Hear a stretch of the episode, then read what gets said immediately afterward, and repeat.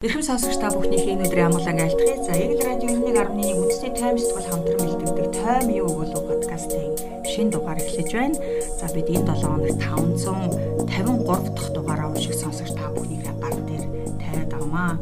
За энэ удаагийн сэтгүүлд орсон онцлог нийтлэл сурвалжлагуудтай танилцуулахаар манай үндэсний тайм сэтгүүлийн хариуцлагатай нарийн бичгийн дарга Давасроо Натам төстүүдэд ажиллаж байна. Өдрийн мэнд хүргээд авка. Өдрийн мэнд. За бид энэ удаагийнхаа сэтгүүлийг одоо гол материал буюу одоо нүүр хуудсан тавигдсан материал маань театрын сэргэн мандалт гэдэг зүйлийг хүндсэн байгаа. Ягаад гэхээр өнөөдөр 3 дугаар сарын 27 бол олон улсын театрын өдөр гэдэг. За энэ гашуун сонсогчдоо бас театрын өдрийн мэнд хүргэе. Тэгэхээр дэлхийн театрын өдөртэй холбогдуулаад ер нь Монголын театруудын сүүлийн үеийн байдлын талаар манай урлагийн тоймч нийтлэлч Эрдэнэ чимүү маань гол материалыг бичсэн байгаа тийм. Тий их тийм олон талын их сурвалжтай, их гой өнцөгтэй. Тэгээд сүүлийн цар тахлаас хойших жилүүдэд театрын урлагт одоо яг ямар ямар зүйлүүд өрнөө гэдгийг маш сайн батсан нийтлэл байсан.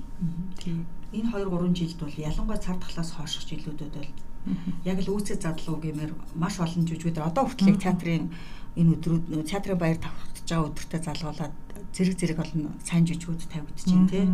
Тэгэхээр энийг бол бас цангаа юу, шахаа юу эсвэл гэдэг өнцгөр бас харуулсан байлаа. За өнгөрсөн жил бол үнэхээр театр урлагт тесрэл тавьсан бас хоёр жүжигийн жишээн дээр авсан байлаа тий. Аа Орфей театрынхны Достоевскийн романаар хийсэн гим зэм жүжиг болоод за мэдээж өнгөрсөн хавраас ахуулаад Зунжанга Монголын үзэгчдийн цангаар тайлсан тамгагүй төр жүжигийн Хэр Entertainment-ийн Баатар найруулагчийн тавьсан шин тавилтын онцлог юу байв гэдэг талаар. Хүндсэн байлээ. Би материалуудын зохиос бас сонссон. За бас уншсан. За бас энд нэг анхааруултай зүйл нь өнөөгийн үзэгчид өөр болсон шүү гэдгийг те. Өөрөөр хэлбэл хошуу урлаг нийтмийн кино руу хошуурд байсан үзэгчдийн хандлага өөрчлөгдөөд өөрийг сонирхох шин үе гэсэн. Өөрөөр хэлбэл бидний нөгөө шин үе зэт үеийнхэн гэдэг.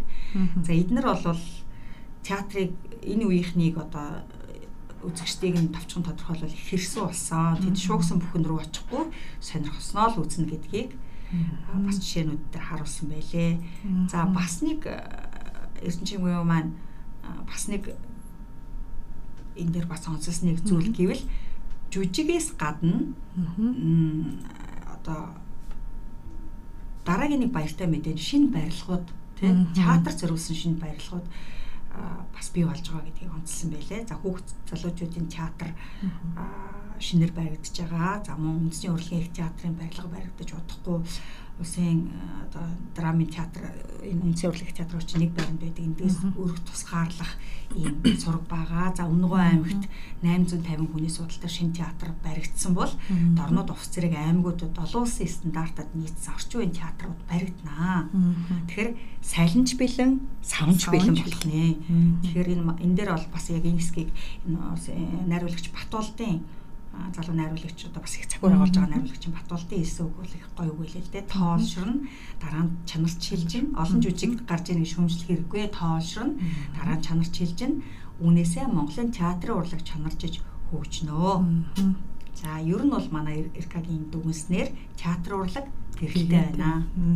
За за дараагийн сэдвийг манай зөв чиг болонд нийтлэлж Дантанживын бичсэн нийтлэл анхаарал татсан.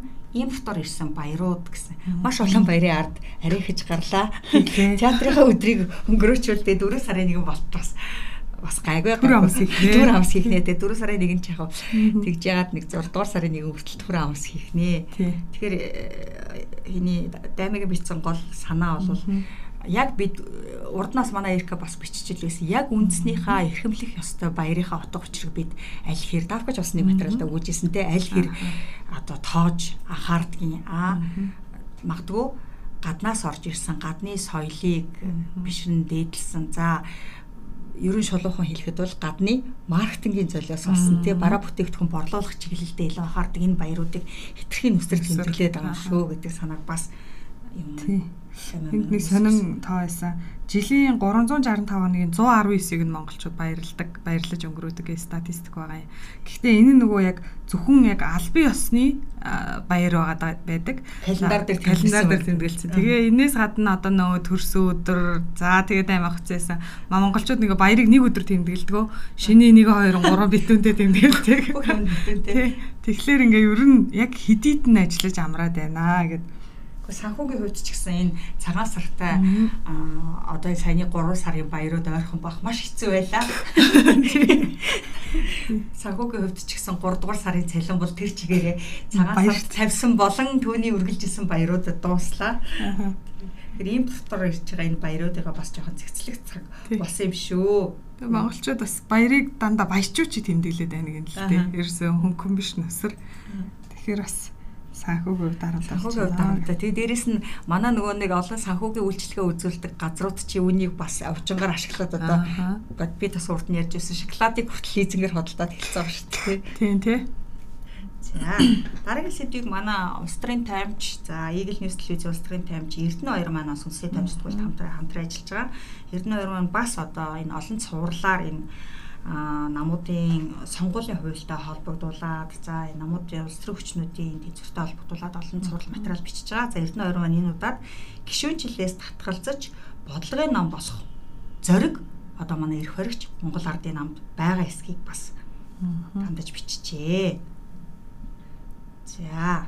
За дараагийн сэдвийг бол бас манай эдлэлж шилэг томор бичсэн. За хууль зөрчигчд гэсэн сэдвтэй байсан баха тий.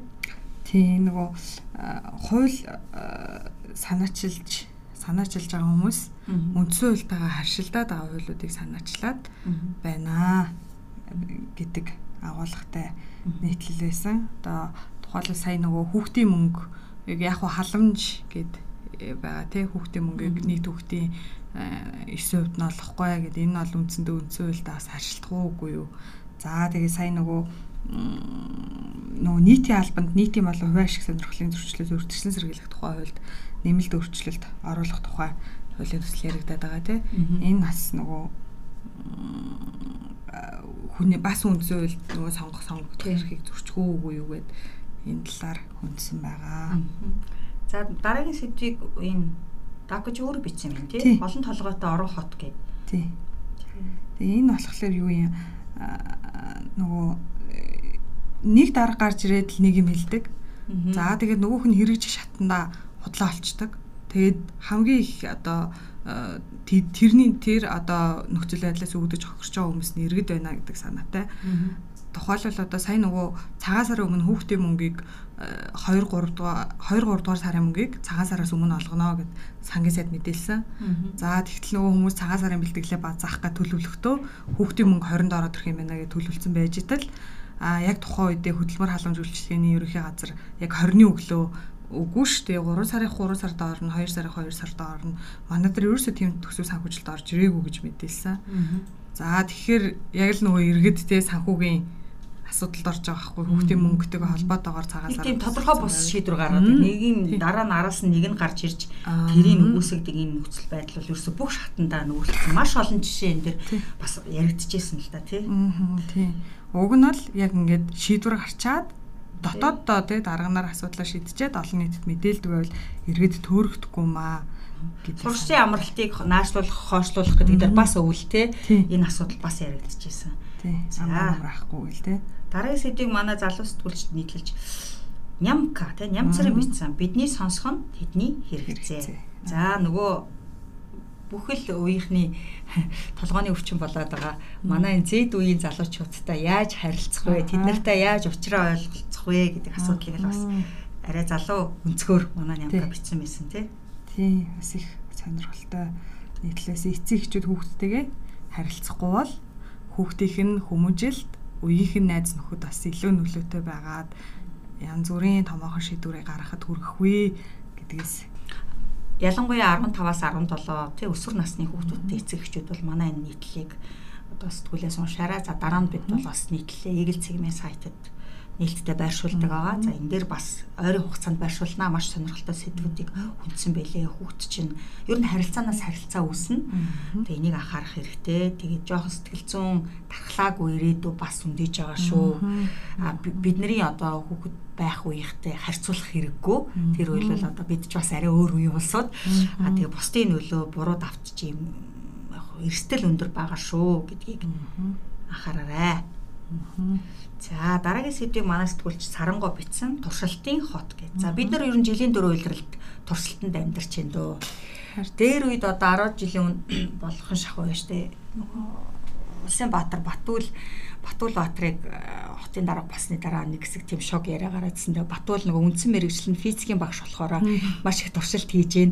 Улаанбаатарын ард иргэд дээр гэсэн. Тэр туршилт ерөөсө дуусаагүй байгаа нам солигдсон. Хотын дарга тэрнээсээ 2 3 солигдсон ч гэсэн туршилт маань үргэлжилсээр л байгаа. За өнөөдрийн байдлаар ихэд тэр нарны орооллын э, нарны гүрний алтаа хотхны орооллын тэр авийн хөдөлгөөнийг бас ингээд 21 хоногийн хугацаатай туршсан чинь тэрэн дээр бас тэр хавийн оршин суугчид эсэргүүцэл илэрхийлээд манай News телевизээр бас юунд гараад илээ.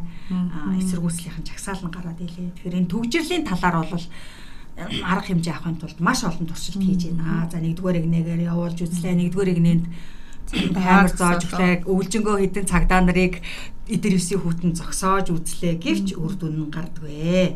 За туршилт булга маань үн өртөгтэй. Мэдээж хэрэг. Энэ одоо энэ нөгөө 956 сая төгрөгийн туршилт гэдэг нь энэ. Энэ яг нөгөө 2017 онд зүүн эргийг хоригдсон шийдвэр гаргаад зүүн эрэг чадахгүй саргаад тэрэлж орсон тохиолдол байдаг шүү дээ. Тэгээд тэрнтэй холбоотой нөгөө замын тэмдэг тэмдэглэгийг бүхэлд нь өөрчилсөн. Тэгээд яг тухайн үед яг 956 сая төгрөгийн өртөгтэй гэдэг мэдээлэл яваад албаныхан бол үгүйсгэж ийсэн. Тэгтээ бас тэгээд үгүйсгэл нь үний юм уу те тэр нь тодорхойгүй ямар ч тач тэрэнд бол тодорхой хэмжээний өртөг мөнгө төгрөг зарлагдсан тэрэн гэлтгүй ер нь бүхэл туршилтад бас мөнгө цаанаас дахиад улсын мөнгө урсчил байдаг.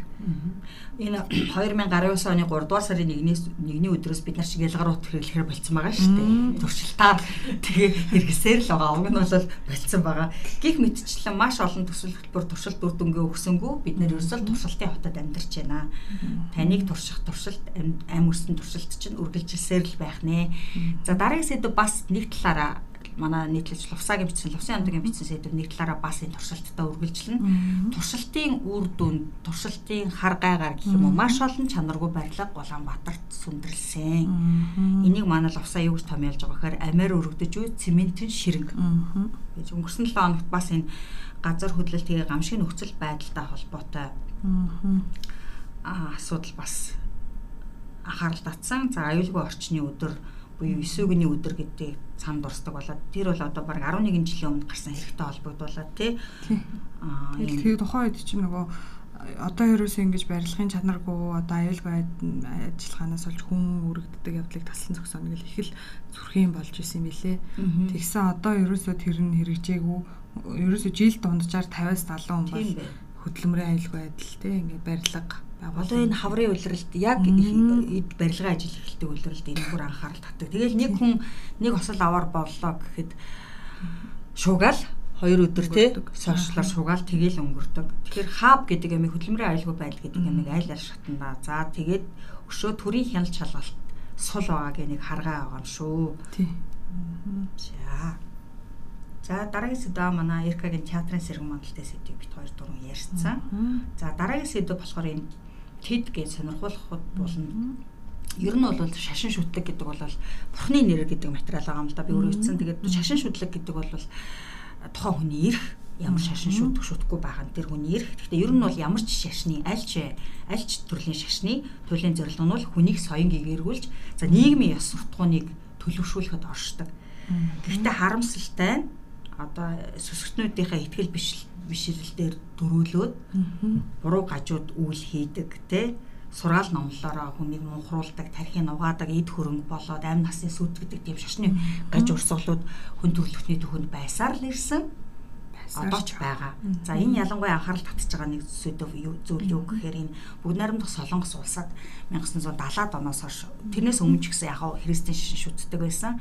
А 70-аад оноос христийн шашны юм янз бүрийн урсгалууд түгэж орж ирснээр шалтгаалаад зөвхөн одоо Солонгос улсад өөрсдийгөө аа юу бошиг үзүүлэгч амьд бурхан гэж нэрлэдэг. 60 гаруй хүн зөвхөн Солонгос улсад шүү дээ байдаг юм сургатай. Тэг ягаад Солонгос улсыг ингээд онцлоод байгаа юм гэхээр манай улсад сүүлийн жилүүдэд орж ирж байгаа шин шашны 90-ад оноос хойш орж ирж байгаа шин шашин буюу одоо өөр одоо бид ч уламжлалт буддын шашинтай те зарим бөөмөргөлтэй юм.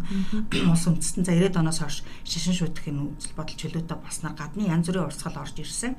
За энэ гадны орж ирж байгаа урсгалуудын Монголд орж ирсэн урсгалуудын 85 орчим хувь нь бүгд найрамдах Солонгос улсаас орж ирж байгаа. Урд нь ч гэсэн тагнуулын байгууллага мэдэн дээр бас анхааруулж исэн. Янз бүрийн шашны гаж буруу үзэл суртал номлодог ийм урсгалууд бас Монголд төгөх аюул биш үү гэдгийг олон эрдэмтэн судлаачид бас анхааруулдаг. Тэгэхээр энэ Солонгосын энэ гаж буруу урсгалууд нийгэмдээ ямар хор хөнөөл дагуулж байсан юм. Ямар айхтар гэмт хэрэгт орооцолдож исэн гэдгийг бас жишээнүүд байсан тий. Жишээлбэл одоо дагагч эмгтээчүүдийг орон удаан жилийн турш хүчирхийлдэг. За тэгээд өөрсдийнхөө хувийн үйлдвэр аж ахуй нэгжид боолын хөдөлмөр эрхлүүлдэг тий. За чөтгөр шүглсэн ч гэдэг юм уу тийм үндслэлээр чөтгөр зайлуулсан ч гэдэг юм уу зан үйл хийж байгаа амь насанд нь хүрдэг. Гэх мэтчлэн маш олон жишээнүүд байдгийн байлээ. Тэгэхээр итгэл үнэмшил гэдгийг бас цаатахыг хараарай гэж сануулахаар. За Дараагийн мэдийг нь материалыг манай сэтгүүлч нийтлэлж аз заяа бичсэн. За өсний чимээгээр далайн нууцыг тайлах тухай.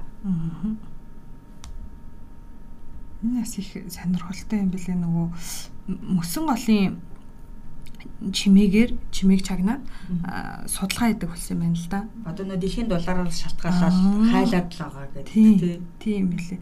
Тэгээ яг тэдгэрийг судлах өөр олон арга байдаг. Гэхдээ энэ нөгөө чимээгээр судлах арга нь хамгийн хамгийн хямд өртөгтэй. Тэгээ дээрэс нөгөө экологт бас айгу байга амьтдад далайн амьтдад бас их эерэг нөлөөтэй байгаа талаар заавал одоо техник соногс хөрөмж болоо тий. Ааха. Тэгвэл чимээ чагнаад нөхцөл байдлыг судлах нь байна. Манай өвд эдс бол одоо тэнгэр хараал тий. Шинж чин тий. Салхи чиг хараа шинж чин тэр талаараа бол ямар ч одоо сүүлийн шинж ухааны тоногт хөрөмжөөс илүү судалгаа хийдэг байсан харагддаг шүү дээ. Тийм тий. Шинж ухааны сэдвтэй бас том сонирхолтой материал хэлээ уншууртай материал байсан. За ингээ өнөөдрийн сэтгүүлд маань уламжлалт тасаар одоо 7 хоногийн онцлог гэрэл зургууд, 7 хоногийн онцлог эрхлэлүүд багцсан байгаа. За ингээ үндэсний тайм сэтгүүлийн шин дугаарын тайлбар подкастт хамт байсан. Их сонсогч та бүхэндээ баярлалаа. Эх 7 хоногт илүү шинэ сонирхолтой сэдвээр уулзлаа. Баярлалаа.